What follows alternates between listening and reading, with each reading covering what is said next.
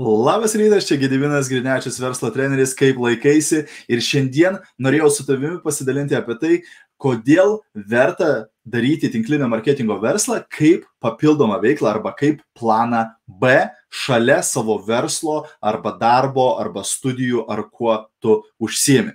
Taigi, jeigu žiūri šį video įrašą, padaryk man paslaugą, parašyk grotelės įrašas į komentarus. Jei esi naujas arba nauja, jeigu pirmą kartą žiūri vieną iš mano video, būčiau labai dėkingas, jei parašytum naujas arba nauja. A, norėčiau tau pasakyti labas, a, kaip sakant, atsiųsti tau virtualų apkabinimą.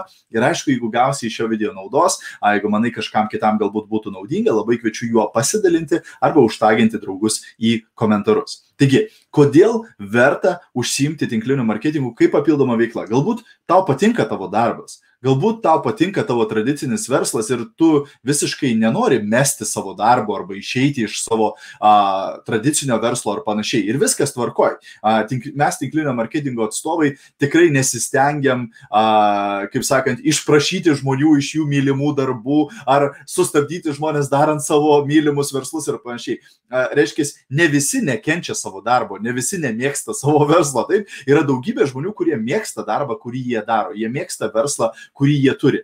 Bet yra priežastis, dėl ko vis tiek verta pradėti kurti kažką kito. Taip ir tikriausiai tu esi girdėjęs arba girdėjusi apie a, a, skirtingus pajamų šaltinius, kodėl verta turėti keletą pajamų šaltinių, o ne vieną pajamų šaltinį ar panašiai.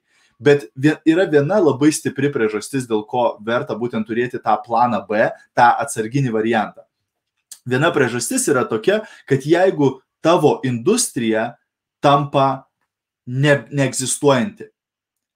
Tuoj paaiškinsiu, ką turiu omenyje. Atsimenu, kai buvau vaikas ir paauglys, prie namų buvo maisto prekių parduotuvė ir toje maisto prekių parduotuvėje žinote, kas buvo? Buvo tokia kabina, kurioje sėdėdavo moteris ir jinai nuomodavo video kasetės. Ar atsimenate video kasečių nuomas?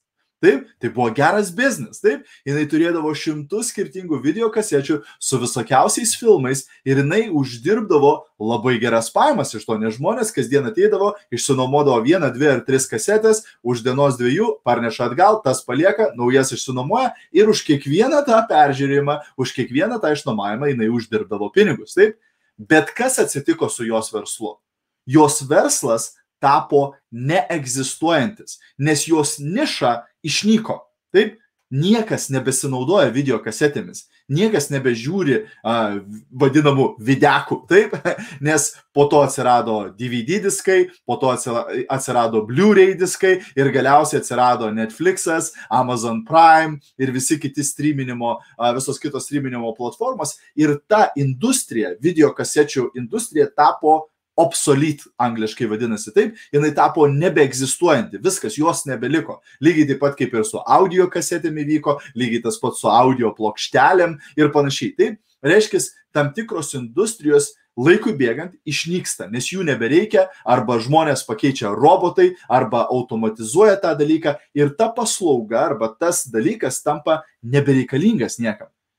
Ir labai dažnai mes negalvojam, kad tas darbas, kurį aš dirbu, ar ta industrija, kurioje aš esu, taps kažkada nebereikalinga. Mes visą laiką įsivaizduom, kad to neįmanoma, taip? Lygiai tas pats buvo ir su video kasetėm ir paskiau diskais, kai Blockbuster didžiulė kompanija, multimilijardinė kompanija galvoja, mes taigi tokie žinomi, mes tokie populiarūs, visi ateina nuomotis diskus ir kasetės, mes niekada neišeisim iš biznio. Taip? Ir tada atsirado Netflixas, kuris internetu pradėjo iš pradžių siūsti diskus žmonėms į namus, o galiausiai tiesiog rodyti filmus internetu. Ir viskas. Blockbusterio nebeliko. Visos multimilijoninė kompanija visiškai užsidarė, jos nebeliko.